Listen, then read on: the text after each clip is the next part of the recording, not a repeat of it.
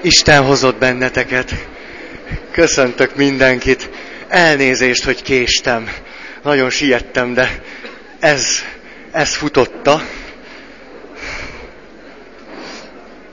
Úgyhogy minden további várakozás nélkül belekezdünk abba, hogy megnéztük a módosult vagy alternatív tudatállapotoknak a főbb formáit, aztán az ahhoz vezető legfontosabb utakat, és most pedig a legfontosabb jellemzőknél tartottunk. És mindez azért lényeges, mert az alternatív tudatállapotok működésmódja egy nagyon határozottan, így mondhatnánk ezt, érzelmi működésmód.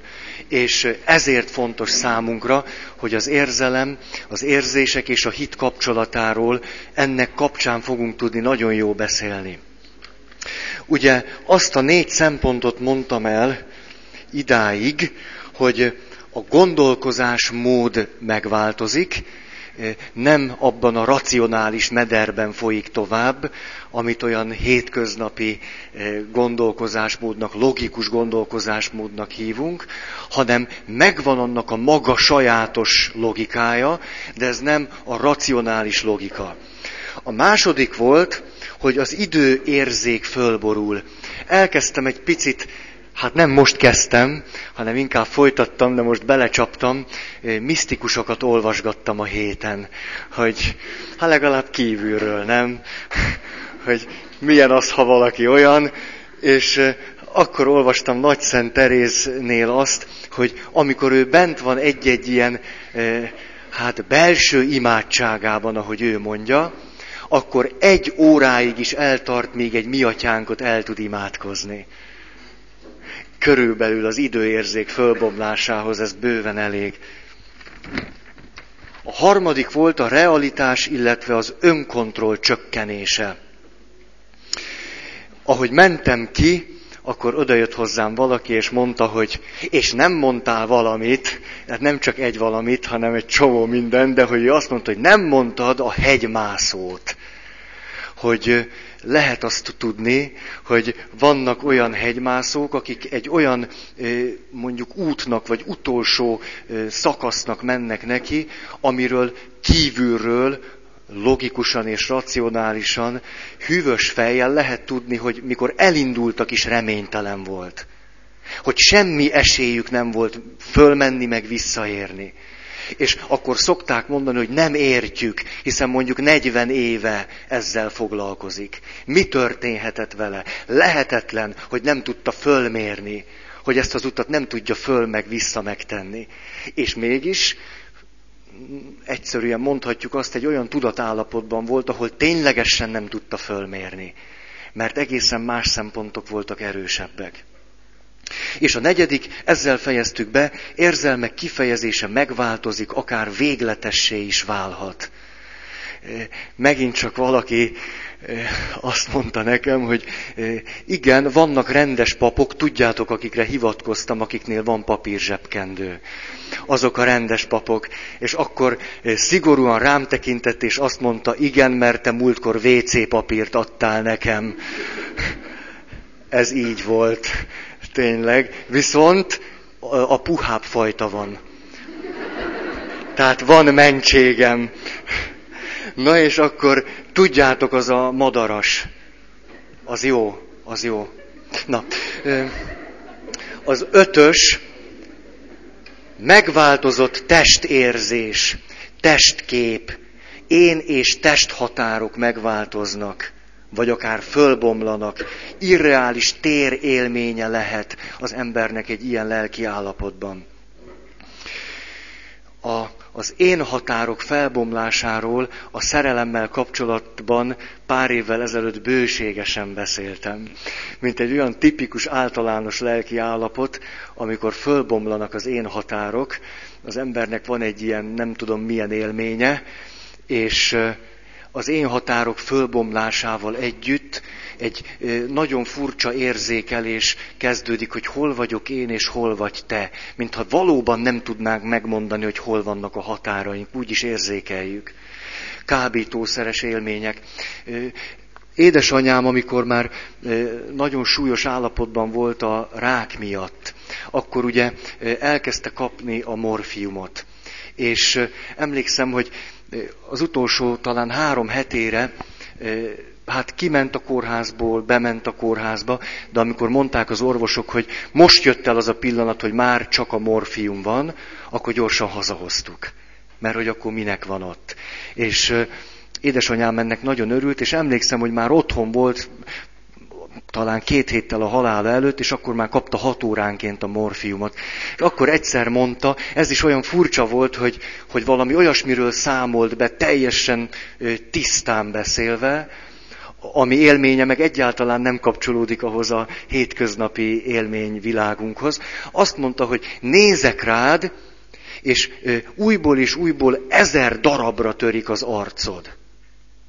Hogy látlak olyan, mintha az arcod egy tükörkép volna, és egyik pillanatról a másikra ezer darabra törik szét. És mondta, de ezt, ezt teljesen tisztán és logikusan mondta.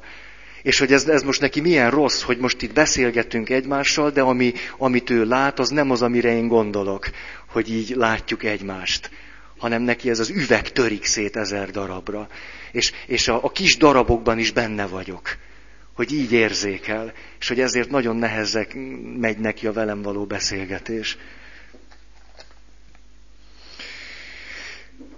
Néhány nappal ezelőtt hallottam egy előadást Picasso-ról, és egy kijelentését, kijelentését idézték, hogy ahhoz, hogy a madarat le lehessen festeni, ki kell tekerni a nyakát.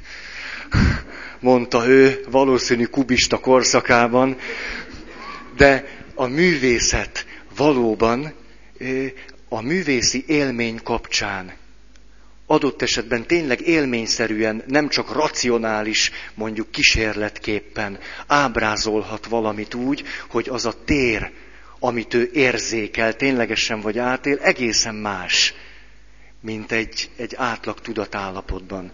Föltehetően mondjuk ezek a festmények nem racionális meggondolásból születtek meg. Nyilván így, így tűnik nekem, de ki tudja. Itt szeretnék egy rövid-rövid dolgot felolvasni. Ezer év misztikájából című könyvből, azért mondom, mert nincs rajta a listán. Hogy Nagy Szent Terész hogyan éli meg a, a test érzékelésének a megváltozását. Mindjárt. Igen.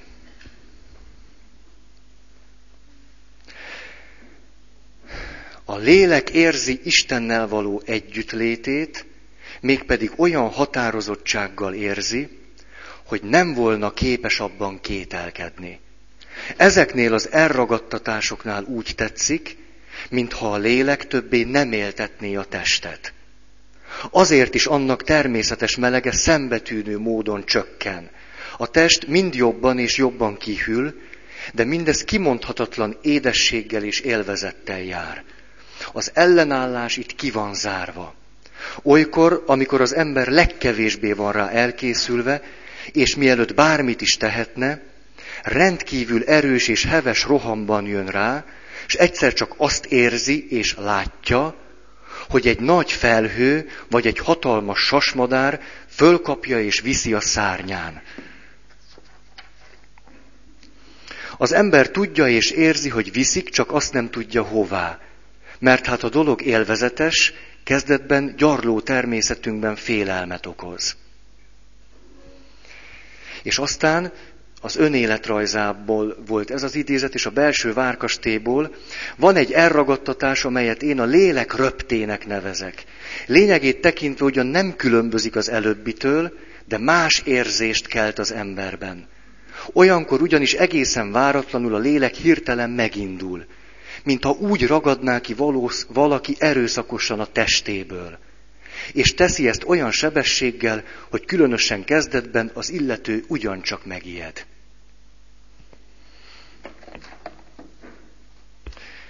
Ez volt tehát az ötös pont. megváltozott testérzés, testkép, én és testhatárok fölbomlása, irreális térélmény. A hatos, ez kapcsolódik az első ponthoz, hogy a gondolkozásmód megváltozása azt is jelenti, hogy egy belső logika mentén megy végbe a gondolkozás. Ezt ahányféle irányzat könyvét olvasom, annyiféleképpen nevezték el, összegyűjtöttem ezeket, de mindig ugyanarról van szó.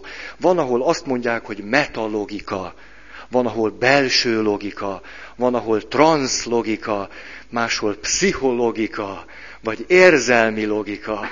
Ezeket a kifejezéseket mind olvastam valahol. Tehát egy belső logika szabályai válnak érvényessé. És ez a logika ebben az állapotban működik, de akkor nagyon is leírható módon. És megint jön Pirx pilóta. Azért, mert ha olvastátok, van abban egy másik zseniális történet, amikor hallja Pirx pilóta azt, hogy valaki a gépházban, az űrhajó gépházában morze jeleket ad. Először csak kopogtatásokat hall, és aztán rájön, hogy ez nem kopogtatás, hanem morze jelekről van szó. És a, a morze jeleket elkezdi kiolvasni, és kiderül, hogy hihetetlenül fájdalmas dolgokról ad hírt ez a, ez a kopogtató, arról, hogy, hogy egyre melegebb van, fogy az oxigén, már csak néhány oxigén palack van, néhány túlélő van már csak, és megint meghal valaki, és még melegebb van, és segítségért kiáltanak, és a többi. És nem tudja, hogy ez ki lehet, lemegy a gépházba, és kiderül, hogy egy robot. Egy robot kopogtat. És akkor elviszik a robotot, és megpróbálják vizsgálni. És semmi ilyesmit nem csinál. A laboratóriumi körülmények között nem, nem kopogtatja ezeket a fémcsöveket. És akkor visszahelyezik az űrhajóra, és ott egy adott pillanatban megint elkezd borzézni. És akkor ugye Pirx az, aki rájön, hogy amikor a hőmérséklet túl magasra szökik az űrhajóban, akkor a robotnak az emlékeiből előjön az, amikor egy másik űrhajón volt, amely szerencsétlenséget szenvedett, őt a robot túlélte, de belé ivódott ez az élmény. És hogyha a hőmérséklet túl magas lesz, akkor elkezdi morzézni azoknak a morzejeleit, azoknak az embereknek a morzejeleit, akik átélték ezt az élményt. Számomra talán mindennél jobban árulkodik ez a történet arról, hogy mit jelent, hogy ha a hőmérséklet változik, tehát hogyha bekerülünk egy olyan helyzetbe, ami más, mint a normális helyzet, akkor rögtön kiváltódnak ezek a, ezek a különbségek. A tudatállapotunkban, a gondolkozásmódunkban, a cselekvésmódunkban.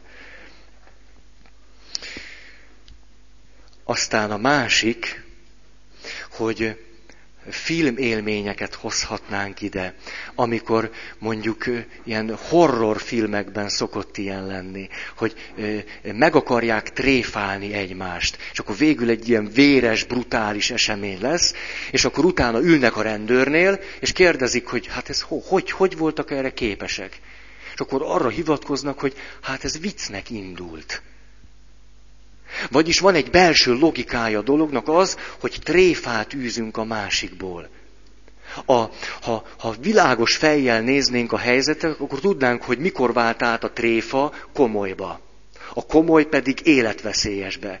De miután a belső logika alapján ez még mindig csak tréfa, ezért eszméletlen dolgokat képesek megtenni. Vagy ilyen autóversenyzős dolgok hogy ugye, mit tudom én, piros lámpa, és bőgetik a motort. És akkor volt most egy ilyen film, az a száguldás, vagy micsoda? És, és akkor háromszázzal mennek, és ugye megy le a sorompó. Hát ugye mindig így van. Tehát 300 megy le a sorompó, jön a vonat, tehát ez mindig megy. És pontosan tudjuk, hogy a két űrge miért megy át a sorompón. Azért, mert számukra ez verseny. Ez a belső logika. Ez verseny. Tehát már nem életveszély, nem kressz szabályok, nem normális élet, nem otthon a gyerekek és a feleség. Verseny. És a verseny logikájába az, amit csinálnak, tökéletesen belefér. Egyébként nem, de annak a logikájába igen. A másik film, amit láttam az utóbbi időben, a lovagregény. És eh, ugye ott az a, az a jelenet, amikor nagyon súlyosan megsebesül a főhős. És eh, nincs más hátra, mint hogy azt mondja, hogy leveszi a páncéját, és azt mondja, hogy kössék a dárdáját oda a kezéhez. És akkor páncél és sisak nélkül azzal az ellenféllel megmérkőzik, aki eddig mindig megverte őt. Ugye logikusan, esztelen, értelmetlen, irreális és a többi. Csak hogy bent van egy olyan helyzetben, aminek a belső logikája szerint ez nem csak hogy hősies, hanem ettől az, aki.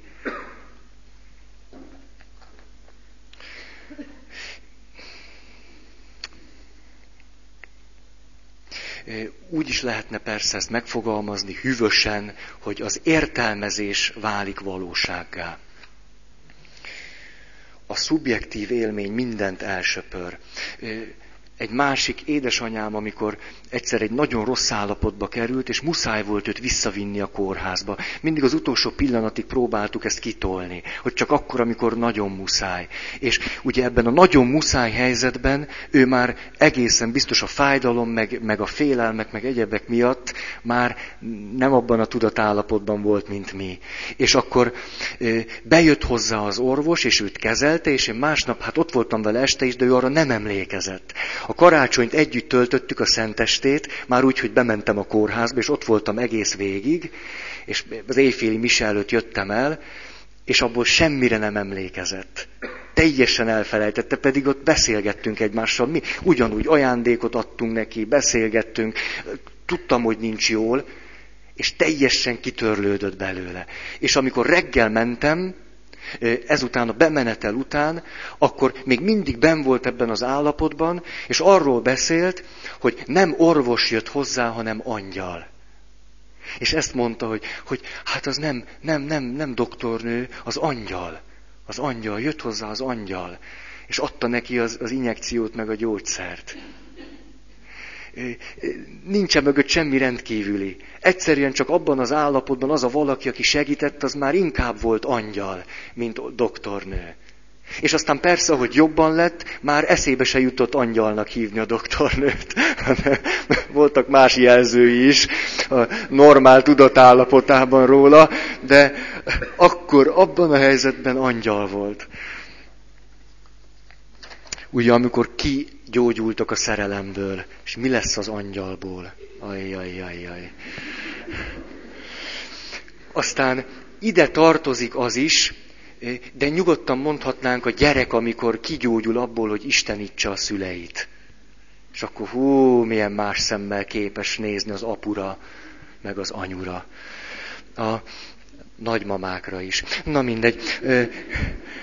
Ez azt, azt is jelenti, hogy mindennek tehát sajátos jelentése lesz. És nem csak a beszédnek. Tehát mondjuk az a beteg, aki még nem tudja, hogy mi a baja. És ugye elmegy a vizit, és abból is következtetéseket von le, hogy hogy állt a főorvos szeme. Hogy ránézett, vagy nem nézett rá. Hogy mikor elmentek az ágytól, akkor mosolygott, vagy nem mosolygott. Ilyenkor mindennek jelentése lesz, hogy ő kért valamit, és mikor hozzák. Mindennek, nem csak a szavaknak. És ugye mindennek jel jelentése lesz. Nagyon jó ez a szó, hogy jelentése lesz. Tehát jel szerepe lesz az egészen hétköznapi dolgoknak. Egy legyintésnek, egy tárgynak, egy mosolynak, bárminek. A szavaknak sajátos jelentése lesz ilyenkor. Mondjuk az orvos azt mondja, teljesen jó hiszeműen és rendesen, hogy a leletek alapján nincsen semmi probléma. De amikor valaki nem tudja, hogy rákos-e vagy nem, akkor ez a mondat nem azt jelenti, hogy nincsen semmi probléma, és a leletek ezt igazolják. Hanem azt jelenti, hogy a leletek alapján nincs, egyébként meg rákos vagy. Most, ú, de hát ezt ne... De legalábbis az illetőt nem arról győzi meg, hogy a leletek őt megerősítik abban, hogy nincs baj, hanem abban, hogy, hogy na egy részét kizártuk annak, hogy baj legyen, de az orvos maga is megmondta, hogy másfelől bármi lehet. Vagy amikor egy ilyen helyzetben azt mondja mondjuk a gyógytornász, hogy kedves beteg, már ez a megszólítás eleve egy jó, hogy kedves beteg, próbálja meg. Ebben nem az van benne, hogy, hogy hát csinálja, mert hát meg tudja csinálni.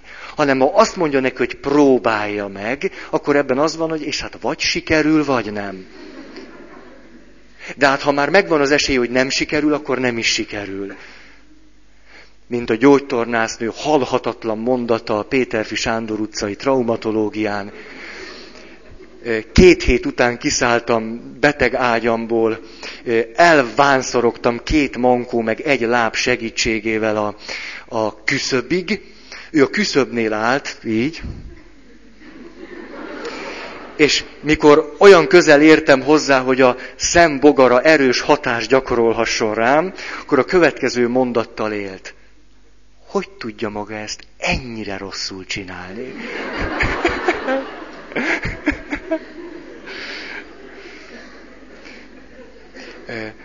Na, a következő, szó, ezt mondta komolyan, de elég normális tudatállapotban voltam, vagy nem.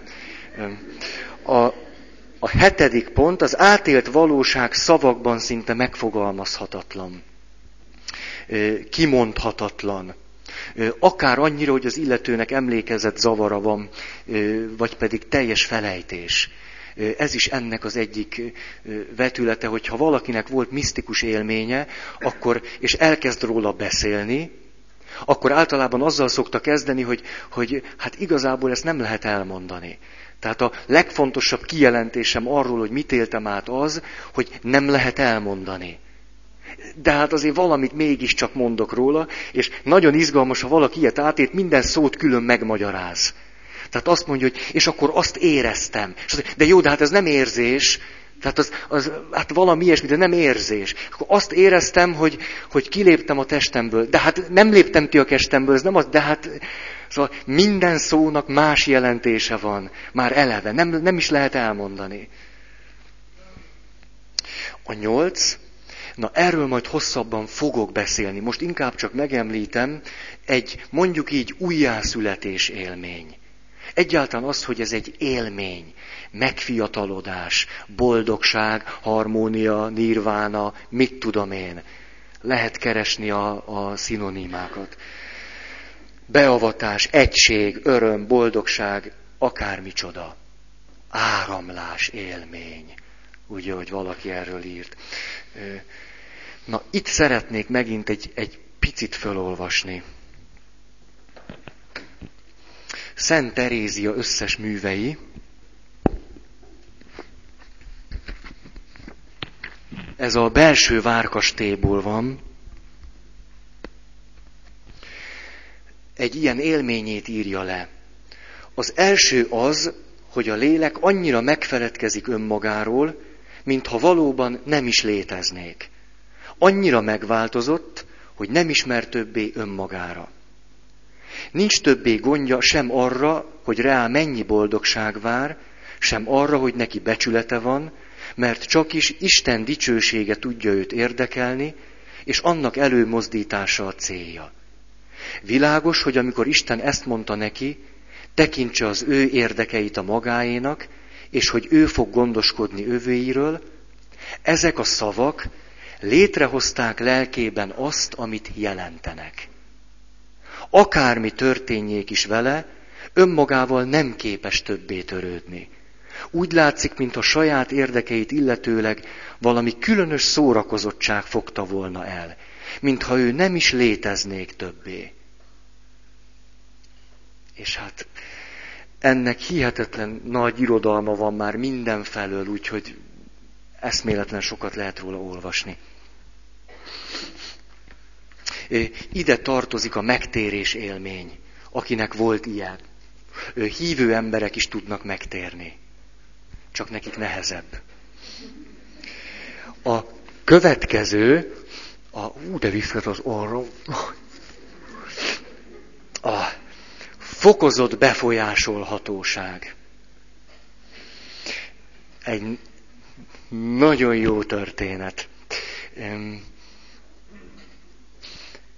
A valós pszichiátriai osztályra mindig több öngyilkosságot megkísérlő ember érkezik, egy vidéki városról van szó, mint amennyit be tudnak fogadni.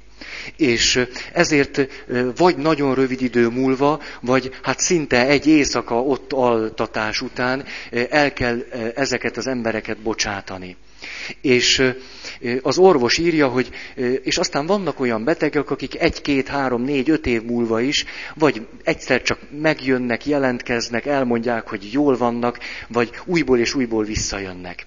És mondja, hogy az egyik ilyen kliense jött hozzá talán két év múlva.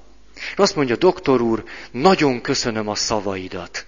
Évekig kitartott azoknak az ereje. És hát az orvosnak körülbelül annyi emléke van, hogy ezt az embert egy éjszaka után ki, kirakták. Ne, nem tudtak vele foglalkozni. És akkor visszakérdezett, hogy de én ne haragudjon, de nem emlékszem, hogy, hogy mik voltak ezek az évekig kitartó, erőt hordozó szavak. Hát nem emlékszik, doktor úr. Hát azt mondta, hogy majd csak lesz valahogy. És most is szívből köszönöm ezt a mondatát. Ugye, ebben a tudatállapotban ez egy nagyszerű mondat, mert benne van a jövőre irányultság, hogy hát lesz valahogy. És amikor a doktor azt mondja, hogy hát valahogy lesz, ezzel meg szabadságot ad a kliensének, hogy ő ezzel a valahogy szót megtöltse a maga fantáziájával. Nem határozza meg, hogy mi lesz majd. Az lehet, hogy túl nehéz volna. De hogy a jövőben kitöltheti a fantáziájával, és hogy ez egy nagyon pozitív mondat, hogy ez így lesz. Nem is kérdéses. Azt mondja megint lehetne valaki, na mindegy. Szóval megint lehetne itt a, a mondjuk a részegember állapota.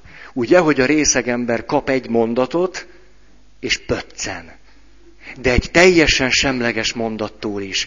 Volt egy papnövendéktársam, hajós volt, rendes foglalkozása, és azt csinálták, hogy kocsmába jártak, hát normális módon, és valami, nem tudom, milyen klubot alapítottak, aminek az volt a közös vonása, hogy amikor megitták a sörüket, akkor beletették a fogkefét. Mindegy, ezt csinálták. És azt mondta, hogy ez a, ez a gesztusuk, hogy ők ülnek a kocsma asztalnál, és beleteszik a fogkefét a, a kriglibe, ez e, évente többször hihetetlen heves reakciót váltott ki e, italozó társaikból. E, nem egyszer a verekedés széléig sodródtak. Mert ezt valakik kifejezetten támadásnak értékelték. Hogy hát rendes, italos ember nem teszi a fogkefét a kriglibe bele ilyenkor egyetlen mondattól, ugye én emlékszem, hogy ezen, ezen igazából csak derültem, hogy mondjuk egy ilyen, ilyen társaságnál valaki azt mondja a másiknak, hogy pont, pont, pont anyád, és hogy erre miért kell ugrani? De hogy erre ugrani kell, tehát abban az állapotban ugrani kell. És hát lehetne ezt. Vagy hogyha mondjuk valaki ilyen nagyon szerelmes. És a, a szerelmese azt mondja neki, hogy hm? tehát töltsétek ki a fantáziátokkal, de valami nagyon egyszerű dologra gondoltam. Tehát mondjuk azt mondja, hogy szürke vereben. Mondjuk ezt mondja. És akkor az illetőnek ilyen, ilyen szikrát vet a szeme, és azt mondja, ezt mondtad, szürke vereve, de drága vagy ma. Mindegy, mindegy a szó. Szóval. A, tehát ez a fokozott befolyásolhatóság. Múltkor jött hozzám valaki, paptársam. Csöngetett, nem láttam őt három éve. És hát nem tudom, lehet, hogy ez egy ilyen papi magatartásforma. Megkérdezte, hogy hogy vagyok, hogy hogy megy a munka, ilyesmi, majd pénzt kért.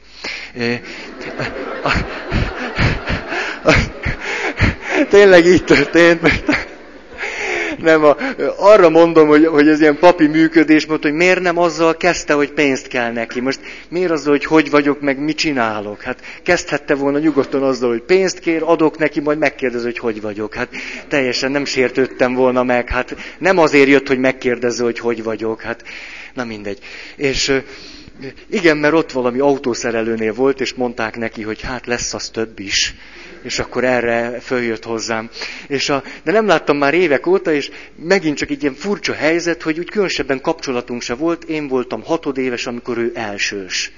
És ugye én hatodéven nem sokat töltöttem a papnevelő intézetbe, volt az néhány hét is, úgyhogy sok élményünk nem volt, de akkor ott ültünk, és úgy hát jó, lement ez, hogy mondtam neki, hogy jól vagyok, és hogy papként működök, és akkor azt mondja, hogy, hogy tudod, Feri, máig is emlékszem arra, arra a délutánra, amikor kimentünk focizni. Hát én majdnem minden nap kimentem, úgyhogy nekem ez nem volt annyira nagy élmény, és azt mondja, igen, tudod Feri, te akkor kapus voltál éppen, és én meg hátvéd. Hát tudod, azért voltam hátvéd, mert nem tudok focizni. De ö, ott álltam, és amikor jött a labda, akkor te mindig azt mondtad nekem, hogy vállald el. És... Már én arra gondoltam, hogy hát rúgjon bele nyugodtan, mert vegye ezt egy feléje irányuló kihívásnak, és válaszoljon rá.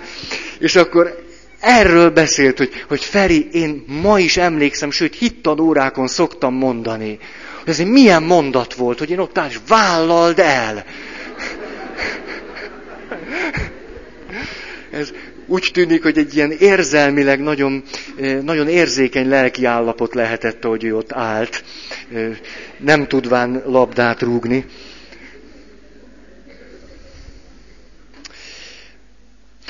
Na most ide tartoznak azok az élmények, rátok nézek, és tudom, hogy szinte minnyáján átéltetek már ilyet. Van barátom is, aki ezzel szokott játszani, de mindegy, a következő mikor megvagytok recsenve, és akkor valahogy azt gondoljátok, hogy, hogy az eddig bejáratott utak nem elégségesek. És akkor elmentek kurukhoz, mágusokhoz, mesterekhez, csuda tudja kihez, de akárkihez. Ha nagyon megvagytok recsenve, akkor akárkihez.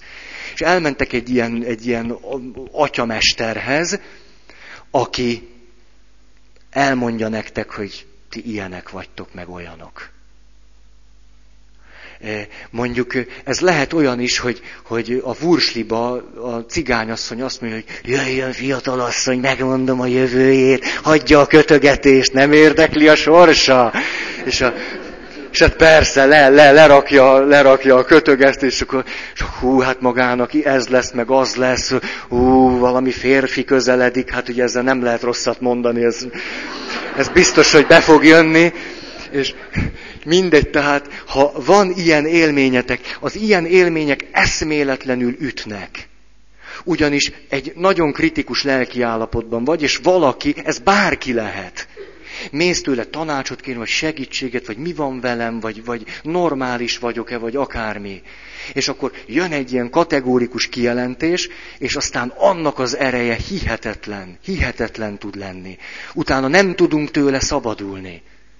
Ez lehet bárki, de ugye, hogy erről volt szó, hogy a tekintély személyeknek a szerepe nő. És főleg, hogyha nem ismered, akkor rávetíted az összes, összes, nem tudom mi, a mesternek az összes fantáziáját arra az ismeretlenre. hihetetlen, és utána aztán évtizedekig hordozhatod azokat a mondatokat, főleg ha negatívak voltak. Ú, akkor aztán jó bementél a csőbe. Ezért ö, roppant, ö, szóval nagyon kritikus vagyok azokkal a mesterekkel, akik így ki, nem tudom, hogy ezek mestereke, de magukat annak szokták tartani, így kiosztják a másikat, így mondják, hogy te ki vagy.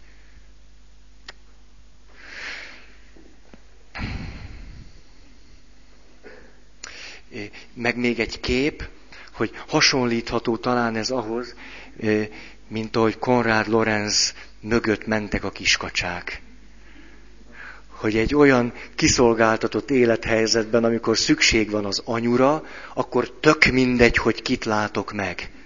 Utána azután fogok totyogni ilyen hídgyülekezet is kalandokról hallottam. Egy ilyen nagyon szívbe markoló élethelyzet, és akkor a hídgyülekezete volt a tyukanyó. És akkor ment, és évekbe került, míg sikerült onnan le, lelépni. Mikor már teljesen kezdett bezizizni. Tíz. Modellkövetés. Ez azért fontos, mert egész magatartás formákat tudunk ilyenkor átvenni. Észrevétlenül is, nem csak mondatokat. Ugye, amikor ez tipikus, sokszor hangsúlyozott, hogy amikor bennünk egy gyerekkorban ért egy nagyon negatív élmény a szüleinktől, és mi vagyunk szülők, és belekerülünk ugyanilyen érzelmileg fogós helyzetbe, ösztönösen kezdünk morzézni jön az a mondat, amit akkor hallottunk, amikor mi ilyen helyzetben voltunk. És utólag azt mondjuk, hogy hát ezt annyiszor megfogadtuk, hogy ezt, ezt a mondatot soha nem ejtjük ki a szánkon. De abban a helyzetben túl meleg van. Forró helyzet. És jön a mondat ösztönösen is. Tehát egész, egész magatartásmódokat, viselkedésmódokat tudunk egyik pillanatról a másikra átvenni. Múltkor vezettem egy csoportot, és úgy szoktuk csinálni, hogy egy férfi, egy nő. És miután vezettük, akkor ez egy olyan csoport, hogy mindenki csoportvezető. Magunknak csináljuk a csoportot, mindenki csoportvezető, és egymást vezetjük. És utána adunk ilyen visszajelzéseket a vezetésről. És azt jelzik nekem vissza, hogy Feri, nem úgy vettük észre, hogy melletted a hölgy nem tudott kibontakozni. Azért, mert te nem vezettél elég férfiasan. És ha te nem vezetsz elég férfiasan, akkor a nő, aki melletted van, nem lehet elég nőies, nem, nem jönnek elő az ő értékei. És persze szíven ütött, hát ugye, nem vagyok elég férfias, vagy mi. És a legszívesebben ott tekertem volna ki a nyakát. Na, minden esetre, ugye ez egy ilyen mondat, nagyon jó, ezen aztán elkezdesz dolgozni, hogy hogy, hogy is van ez, hogy vezetek én. És először is be kellett látnom azt, hogy ez így van. Így van. Tehát amikor átmegyek ebbe a segítő, nem tudom én mibe, akkor, akkor Nyilván a módszerek miatt is, de nem emiatt elsősorban, hanem azért, mert a legtöbbet nőktől tanultam. Női csoportvezetőknél tanultam meg azt, hogy hogyan kell csoportot vezetni. Ritkán volt csak egy-egy férfi. Én nem akartam megtanulni ezt, de belém ivódott. Belém ivódott, hogy, hogy hogyan reagálok bizonyos dolgokra, és emiatt sok szempontból nőiesen reagálok. Úgyhogy ez most nekem egy nagyon izgalmas kihívás lett, hogy megtanuljak adott esetben nagyon markánsan, férfiasan reagálni. Ami nem biztos, hogy jó. De legalább tudjam.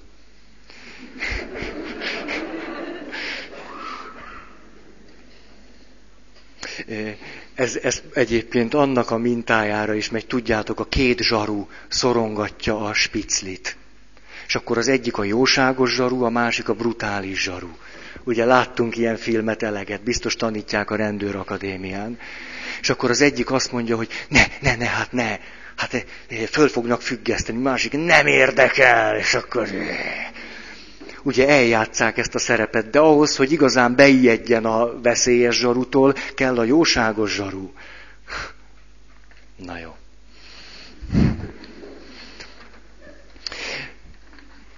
Ezt most befejeztük. Nézzük most meg, hogy milyen működésmódok jellemzik az ilyen tudatállapotot. Két listát fogok mondani. Az egyiket már ismerjük. Elmondom először ezt, amit már egy évvel ezelőtt mondtam el, az érzelmi működésmód. 1996-ban írták össze. Pontatlan, de rugalmas, kötődő, új ötletek, szubjektivitás, egységre törekvik, törekszik, saját döntésben hisz, jövőre irányuló, meleg, elmosódott és többértelmű, kísérletezés, tévedés és döntés jellemzi, csoportorientált, odaadó és tapasztalat által tanul. Ez az érzelmi működésmód jellemzői. De ezt már hallottátok. Most nézzük azt, hogy, hogy a, az alternatív tudatállapot működés módját meg a következőképp írták össze. Belátás, szintetizálás, befolyásolhatóság, intuíció és kreativitás, értékelés mentes befogadás, holisztikus nézőpont, képi, vizuális, célfelé vívő, párhuzamos földolgozás, metaforák, modellkövetés. Egyértelmű a kettő között a hasonlóság. Tehát ez azt jelenti, hogy ezekben a módosult tudatállapotokban nagyon erőteljesen érzelmi módon reagálunk. Az érzelmeknek tehát a gondolkozásunkra, de mindenre, az észlelés, érzékelés mindenre sokkal nagyobb befolyása van mint a gondolatainknak, vagy a logikánknak és a racionalitásnak. Sokkal nagyobb.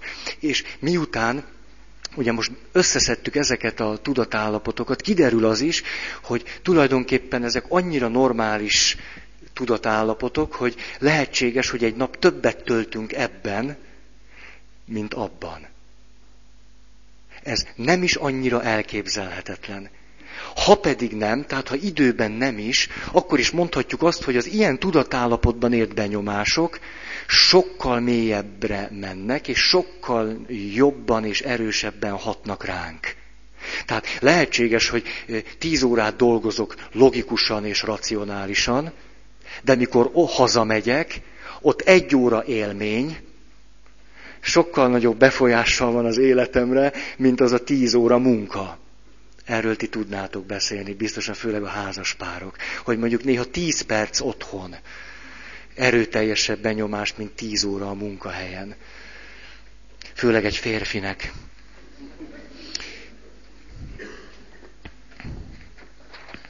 És most jön akkor az, ezt nagyon nagyon használhatónak tartom, hogy nézzük meg, hogy milyen lélektani modellben gondolkodhatunk, milyen lélektani modell van ennek a működésmódnak a hátterében. Illetve azt mondanám, hogy ezt a működésmódot hogyan tudnánk egy lélektani modell keretei közé helyezni. És ez aztán fontos lesz. Azt lehetne mondani, hogy a személyünk, vagy a személyiségünk különböző rétegekből áll.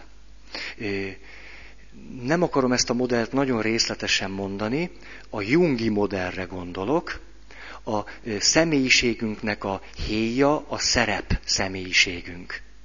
Annál egy fokkal mélyebb az én tudatunk, az alatt van az árnyék személyiségünk, amivel nem szívesen azonosítjuk az énünket, a tudatunkat, és kizárjuk belőle, de ez összeáll egy egész személyiségé. Az alatt van a férfiban élő nő és a nőben élő férfi, az alatt arhetipikus képek és szimbólumok vannak, és mind az alatt pedig a végtelen van, és a végtelenbe ágyazottan a személyiségünknek a centruma. Nagyon egyszerűen, ugye, Eszter? Ezt lehetne mondani. És ezt csak azért mondtam, hogy, hogy mindegy legyen előttetek, utána lehet nézni, mert nem kell ezt olyan nagyon tudni, hogy értsétek, amit majd mondok, de kapjátok azért ezt meg. Hogy az árnyék, az én, az többé-kevésbé tudatos, van benne egy csomó a személyes tudattalamból. A bennünk élő férfi és nő, az már nagy részben a kollektív tudattalamban van. Arhetipikus képek, szimbólumok, minden kollektív tudattalam. És a kollektív tudattalannak a mélyén van a személyiségünknek a centruma. És amikor benne vagyok egy ilyen alternatív tudatállapotban, akkor az történik, hogy az én határok felbomlanak. Valahol kinyílik egy kapu, és az én, a kinyílt énbe, az kinyílt én tudatba, a tudatnak, a tudatnak, illetve a tudattalannak a mélyéről különböző tartalmak beszivárognak. Ha mondjuk csak az árnyék személyiségünkből szivárognak be dolgok, ezeket több-kevesebb nehézség árán képesek vagyunk integrálni az én tudatba. Mondjuk kapok egy ilyen mondatot, hogy te nőies módon vezetsz. Ez eddig el volt rejtve, árnyékban volt eddig ez a dolog. Nem is azonosultam vele. Amikor először meghallom, akkor egy tiltakozás, mert az én tudatom ösztönösen tiltakozik, hogy befogadjon egy új dolgot, mert az kihívás az én számára. Valami olyasmi, ami addig nem volt benne, és helyet akarott találni. Ezt kihívásnak élem meg. Ha elég erős az énem, akkor beengedem ezt az új információt, és az megtalálja a helyét. Ez pedig hogy megy? Úgy, hogy közben egy kicsit szenvedek. Kicsit nyüglődök, ameddig az ott félrerúg egy-két dolgot.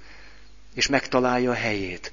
De minél mélyebbről jönnek föl ezek a dolgok, főleg ha kollektív tudattalamból nagyon erőteljes dolgok jönnek, azok úgy képesek fölbolygatni az ént, hogy az ember mondjuk akármi történhet vele. Az elmebetegséget tehát, a legsúlyosabb elmebetegségeket, a pszichózisokat leírhatnánk úgy, hogy a kollektív tudattalamból, a személyiség mérétegeiből olyan erővel érkeztek benyomások az énbe, az én tudatba, hogy az én tudat megszűnt képesnek lenni ezeket befogadni, nem tudta beépíteni az én tudatba, és az én szétesett. Ebben az esetben áll előttünk egy olyan valaki, akire azt mondjuk, hogy bolond, vagy őrült, pedig nem. Egyszerűen arról van szó, hogy nincs benne az a körülhatárolt én tudat, ami képes védekezni is a tudattalan erejével szemben. Ha egyszerűen csak időnként depressziós vagy, vannak neurotikus tüneteid, néha kisé kényszeresen viselkedsz, néha, minthogyha mondjuk pánikbetegségnek a, a szele érintett volna meg, vagy nem tudom én mi, akkor ez azt jelenti, hogy vannak olyan élethelyzetek, amikor az éned nem elég erős ahhoz, hogy a tudattalamból érkező dolgokat képes legyen fogadni. Ilyenkor belecsúszol egy depresszióba, egy neurózisba, egy akármi csodába. Egyébként, amikor ezek a tartalmak nem jönnek föl, akkor ö, elég szilárd az éned ahhoz, hogy nagyon jól tudjál élni. A probléma az szokott lenni, hogy nem te vagy az ura annak, hogy mikor milyen erővel jönnek a személyiséged mélyéről dolgok. És ha jön, akkor padlót fogsz. Ha nem jön, akkor meg egész jól bírod. A, az alternatív tudatállapotok tehát mindig olyan tudatállapotok, amikor az én határ megnyílik, és valamilyen mélységből élmények jönnek be. A, ugye ezt a tudatállapotot el tudjuk érni külső eszközökkel. Tehát mondjuk azzal, valaki mondta nekem tegnap, hogy átéltem egy ilyesmit, pusztán csak annyit kellett tennem, hogy szinkron tolmácsoltam. És az a nagyon megfeszített koncentráció, amiről beszéltünk, létrehozott egy ilyen sajátos tudatállapotot. Megváltozik ilyenkor az egész világ. Az ember még járni is bizonytalanul jár. Igaz, egy ilyen nagyon koncentrált munka után. Valahogy a föld se olyan szilárd. Tehát előidézhetjük ezt kívülről, legdrasztikusabb módon alkohol, kábítószer, zuhanás, valami ilyesmivel. Egy pillanat alatt ez megtörténik. A kérdés azonban az, hogy az énünk elég erőse ahhoz, hogy a tudattalamból érkező élményeket képes legyen integrálni az én tudatba. Ez a nagy kérdés, és általában mi szokott történni? Minél drasztikusabban érkeznek kívülről ezek az én határt felmorzsoló benyomások, az én annál védtelenebb, és szép lassan szétesik. Szenvedélybetegség alakul ki. Ez azt jelenti, hogy ott már az én határ képlékeny. Az illető már, már szinte visszafordíthatatlanul belekerült egy ilyen állapotba narkófüggőség, és lehetne szerelemfüggőség. Valaki mindig szerelmes akar lenni. Megszokta azt, hogy más a világ.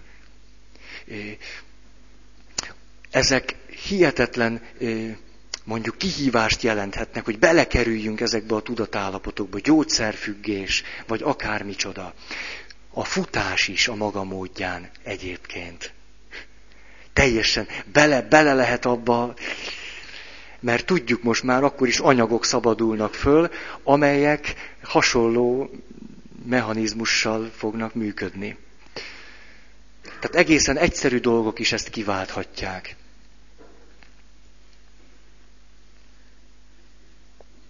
Na most, ezért ugye nem nagyon ajánlatos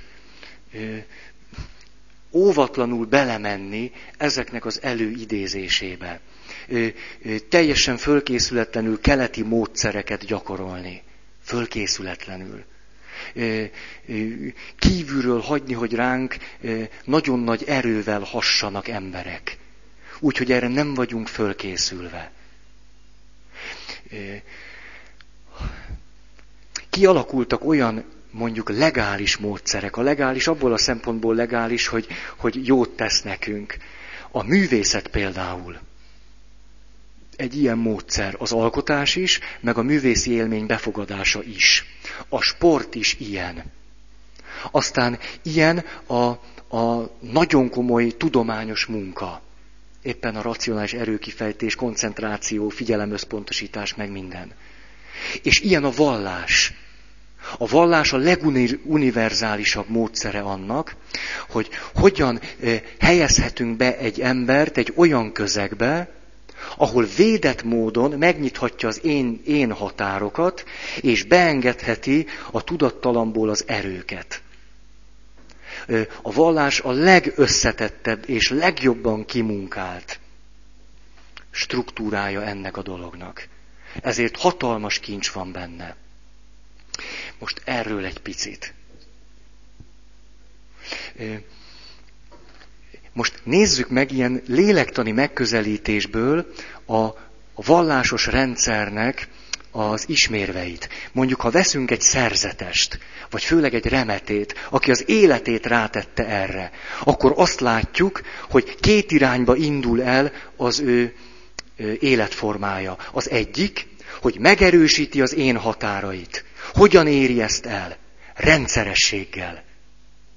Azzal, hogy mindig egy időben kell, egy időben fekszik, soha nem pihen, már hát pihen, de szóval nem henyél. Rendesen dolgozik, összpontosít és figyel, komoly életszabályok szerint él, stb. stb. stb. A, a rendszeresség, a rendezettség, a szabályok, a keretek, az engedelmesség az alázat, mind-mind azt a célt szolgálják, hogy az én nagyon jól meg tudjon erősödni, hogy a határok megerősödjenek. Közben állandóan kapja a pozitív megerősítéseket, hogy te az Istennek a gyermeke vagy. Te kiválasztott vagy. Ez is az én megerősödését szolgálja. Ez az egyik irány. A másik irány, hogy megtanítják az illetőt arra, hogy hogyan nyissa meg tudatosan és ellenőrizhető módon, reflektáltan és integratív módon az én tudatának a határait. Ezért megtanítják őt imádkozni, meditálni, bőjtölni, éhezni és fázni, és egy csomó minden. Menjen ki a pusztába. Szent Pál a megtérése után nem tanítani kezdett, dehogy is. Elment három évre a pusztába.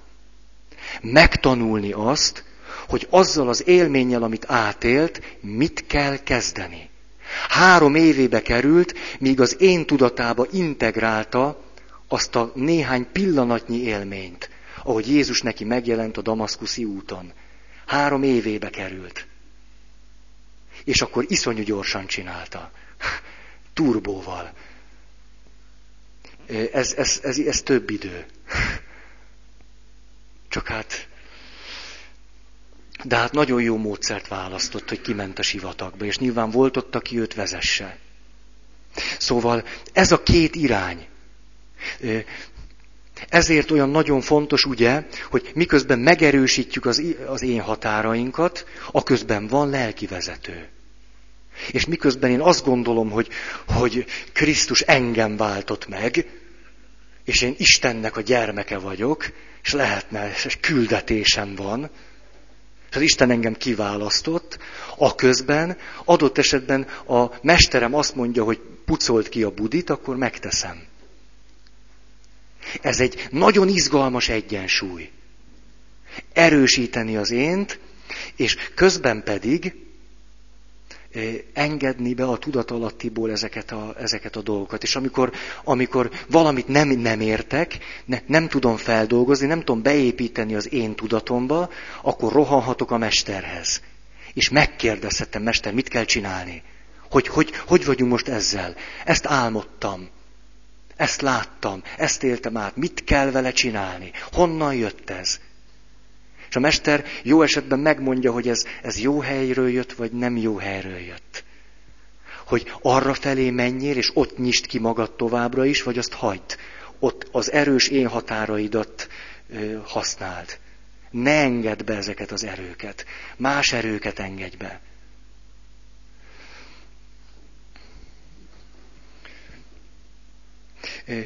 Az én határok megerősítése történik akkor is, amikor amikor mondjuk egy gyászoló embernek azt mondjuk, hogy, hogy tudjuk, hogy üdvözült az, aki gyászol. És akkor azt mondja, mert minden gyászoló embernek bűntudata van. A bűntudat azt jelenti, hogy, hogy az én határok meg, megremegtek. Széteséssel fenyegetnek. Egy nagyon erős szégyenérzetnél. Igaz? Erről beszéltünk. Meg kell erősíteni az illetőt. Azt mondani, hogy, hogy az Isten megbocsátott neked. Nem meg fog bocsátani, meg lehet, hogy megbocsát. Megbocsátott neked. Nem tudsz olyan bűnt elkövetni, hogy abból ne lehetne fölállni. Ugye ez a tipikus megerősítő mondat. Az Isten nem ad akkora terhet, mint amit ne bírnál elviselni. Ö, mindenféle ilyen benyomások, abban a helyzetben, amikor, amikor labilis az én határ, akkor az én megerősítését szolgálják. Erre mondtam azt két alkalommal ezelőtt, hogy egy labilis én határú embert nem bizonytalanítunk el még jobban. Na, hiszen épp, épp az a gyöngéje. Ezért szokták azt mondani, hogy ha valaki igazi, mondjuk ilyen öngyilkossági krízisben van, akkor az ilyen emberrel úgy kell bánni, mint egy gyerekkel. Ugyanis akkor pontosan az történik, mint egy gyerekkel. A gyereknek ugyanis totálisan labilis én határai vannak. Bár azzal kezdődik, hogy nincsenek is neki én határai. Úgy fejlődik ki. És akkor, amikor valaki ilyen helyzetben van, és azt mondja, hogy ő most, ő most te vagy az utolsó ember, akivel még ezt megbeszéli, akkor úgy kell belevánni, mint egy gyerekkel. Akkor most gyere föl, direktív mondatokra van szükség. De nem elbizonytalanítani, hogy, hogy és hogy gondolod, hogy tennéd meg? Vagy nem ez, hogy... Vagy hát nézd, Isten gyermekei a szabadság lelkét kapták. Tégy, amit gondolsz aztán majd gyere vissza. Ugye hát ne, hát hanem fülön fogod, és azt mondod, hogy, hogy gyóntatószékben minden évben több ilyen van. Akkor most a gyónás után megvár. Hét órakor végzek, ott áll az ajtóm előtt. De most komolyan, jó, hát nem így mondod, egy kicsit finomabban, de ez az értelme. Tehát nem arról van szó, hogy ő dönthet, hogy hol áll hét óra, akkor egy gyerek, egy három éves gyereket se kérdezel meg, hogy gondolt-e arra, hogy esetleg reggelizzen. hanem Józsikám, leülsz, és benyalod azt a reggelit, ahogy kell. És, a, és azt mondod, hétkor ott áll, és akkor beszélgetsz, és akkor azt gondolod, hogy egy picit megerősödött az én határa, akkor, megbe, ezek, hát, akkor megbeszéled vele, hogy és másnap reggel nyolckor fölhív telefonon. Nem, nem az, hogy, hogy van-e kedve, vagy van-e pénze, vagy van-e mobilja. Nem, nincsenek ilyen kérdések. Nyolckor telefonál. De nem később, nyolckor. És akkor így, így lehet, úgy kell beleválni, mert akkor mi jelenti számára az én határokat? Én. Én oda belépek. És én vagyok a határ. De hát belül, belül nem tudok neki, mi, mi van, menő manó, vagy mi, ugye jó lenne húzni neki ott egy ilyen kört. De nem lehet, ezért szabályokat adunk neki. Kőkemény szabályokat, hogy mikor hol lesz, hogy mikor telefonál. Adott esetben naponta háromszor telefonál. Amikor elkezdődnek a fantáziái, fogja a telefont és fölhív. Ez, ez, ezeket kell csinálni, nincs kecmec. És ezért van az, hogy a vallás tele van szabályokkal. Azért, hogy a gyenge énű embert megerősítse. A probléma ott szokott lenni, hogy a gyenge énű ember azt gondolja, hogy elég a szabályokat betartani. Ő nem az, nem az énjét akarja megerősíteni, rendes polgár akar lenni. Félelmétől nem szabadul meg, hanem állandó rettegésben a kárhozattól szabályokat akar betartani. Súlyos tévedése a papnak, hogyha ebbe az irányba taszítja a gyónóját mondjuk. Nem, hát abba az irányba kell, hogy a szabályok azért vannak, hogy te erős legyél, és ne legyen szükség szabályokra. Szeres és tégy, amit akarsz. Mindent lehet nekem, mondja Pálapostól. Hát de nem minden válik hasznomra. A, talán én magam is egy jó példa lehetek nektek, mert ahogy mondtam nektek, van érzékenységem arra, hogy a tudat alattiból jöjjenek a dolgok. Ezeket képes vagyok érzékelni, vagy fölfogni, és vannak élmények. Ezért én reggel hatkor kelek, elmélkedek, hétkor misézek, nyolcra jön hozzám az első ember, és ahogy valaki azt mondta, Feri, te naptárember lettél. Így is van, de nekem erre szükségem van. Én nem egy rendes pap vagyok, hanem azt teszem, ami ahhoz kell, hogy normális ember lehessek. Óráról órára. Így. A szabályok semmi baj nincs, a törvényekkel, a keretekkel. Val, e, érdekes nem ez, hogy egy igazi szerzetes, egy igazi misztikus olyan eszméletlen vasfegyelemben él, hogy mi azt gondolnánk, hogy pont egy ilyen ember szép lassan már kilép ezek közül a keretek közül. És nem. Még inkább benne van. Egy idő után már pláne is benne van, azért, hogy másokat ne botránkoztasson meg, mert úgy, hogy milyen fontosak a szabályok. És egyébként is, ha már fölszabadult azok alól, akkor meg miért ne tartaná be? Ez a, erről nagyon jól megismerszenek ezek az álmesterek, meg egyebek, hogy egy ilyen teljesen össze-vissza. A, na,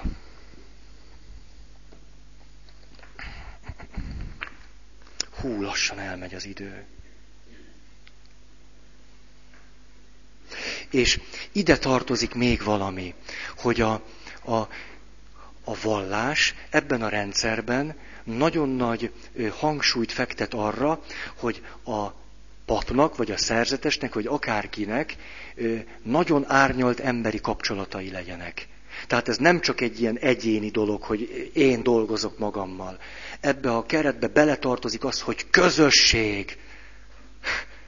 Közösség nélkül nincs komoly lelki élet. Egyszerűen nem létezik. Nem létezik hiába. Ezért azok, akik a, a, a lelki életnek igazán komoly mesterei, azok, azok bent vannak a közösségben. Bent vannak, hiába. Azok, akik ilyen gőggel vonulnak ki, hogy hát nekem ez más nasz. Mi ezekkel tötyörögjek. Ez, ez nagyon gyanús, roppan gyanús. Mert éppen a, a, a, az érettségnek, meg az ahhoz vezető útnak az egyik kulcsa a közösségben való létezés. Mély, szelektív, differenciált emberi kapcsolatok. Hogy magyarul mondjam. Na most, még van pár perc. A Emlékeztek, beszéltem az engedelmességről egy évvel ezelőtt körülbelül. Most kaptunk megint egy nagyon fontos momentumot ehhez. Mi lehet itt a veszély? Az, hogy amikor az én tudatból ilyen nagyon erőteljes dolgok föltörnek, akkor az én szívesen azonosul ezekkel a tartalmakkal. Vagyis az illető megváltónak hiszi magát. Azt gondolja, hogy ő mindenkinél, mindennél jobb, hogy mindenkinél, mi, hogy, mi, mindent mindenkinél jobban tud. Ez lélektanilag ebben a modellben úgy írható le, hogy nem az ő képességei, az énbe integrált képességei azok, amelyek ilyenkor megszólalnak, hanem a tudattalattiból förtörtek a végtelenből hatalmas erők, és ő egyszerűen azt mondta, hogy az én vagyok. Tehát szó sincs erről. Ugye ez megint csak egy gyönge én határú ember nagy képüsködéssel erősíti magát. Tehát ezért van szükség nagyon nagy alázatra is, és engedelmességre. Azért, mert az megerősít bennünket azzal szemben, hogy azokat az erőket, amelyek, amelyek nem belőlünk fakadnak, nem mi vagyunk azok, csak bennünk vannak hogy azokat az erőket nem magunknak tulajdonítsuk. Ugye, szinte szóról szóra a Szentírásból idéztem most. Az Isten kegyelmét nem magamnak tulajdonítom. Az rajtam keresztül hat. A, ezért vagyunk képesek kegyelmet közvetíteni. Nem vagyunk a kegyelemnek forrásai. Ezért ezt óvatosan mondom, nem szeretem a föloldozás imában azt mondani, hogy hogy és én feloldozlak téged az Atya, a Fiú és a Szentlélek nevében. Hát legalább úgy kellene mondani, hogy és feloldozlak téged. Ez az én, ez engem roppant zavar. Miközben mondjuk a gyónó oldaláról megvan az értelme, hogy lássa, hogy ez az ember oldoz föl. És ha ő azt mondja, akkor az megtörtént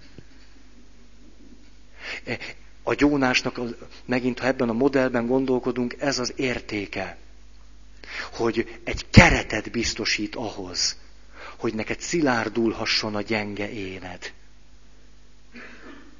Mert nagyon sok ember azt mondja, hogy, hogy ez valami olyasmi, hogy, hogy ha talán így is lehetne mondani, ha valahol ö, meghasadt az én határ, akkor ott azon a hasadáson nagyon könnyen bejönnek újból és újból dolgok. Ugyanott.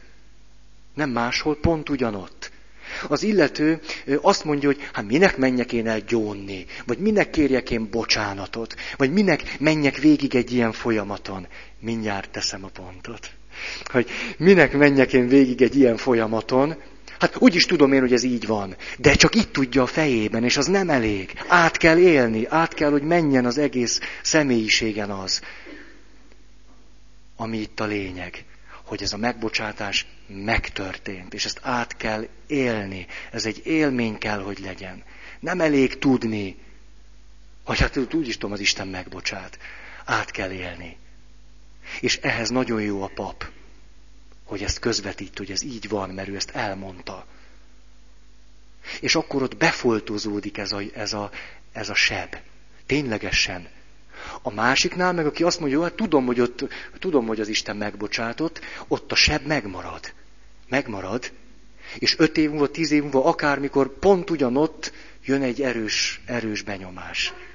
Ugyanott, mert ott már sebezhető az illető. Sok párhuzamot találhatunk a test sebezhetősége, meg a lélek sebezhetősége között. Köszönöm szépen a figyelmeteket. Van-e, aki szeretne hirdetni?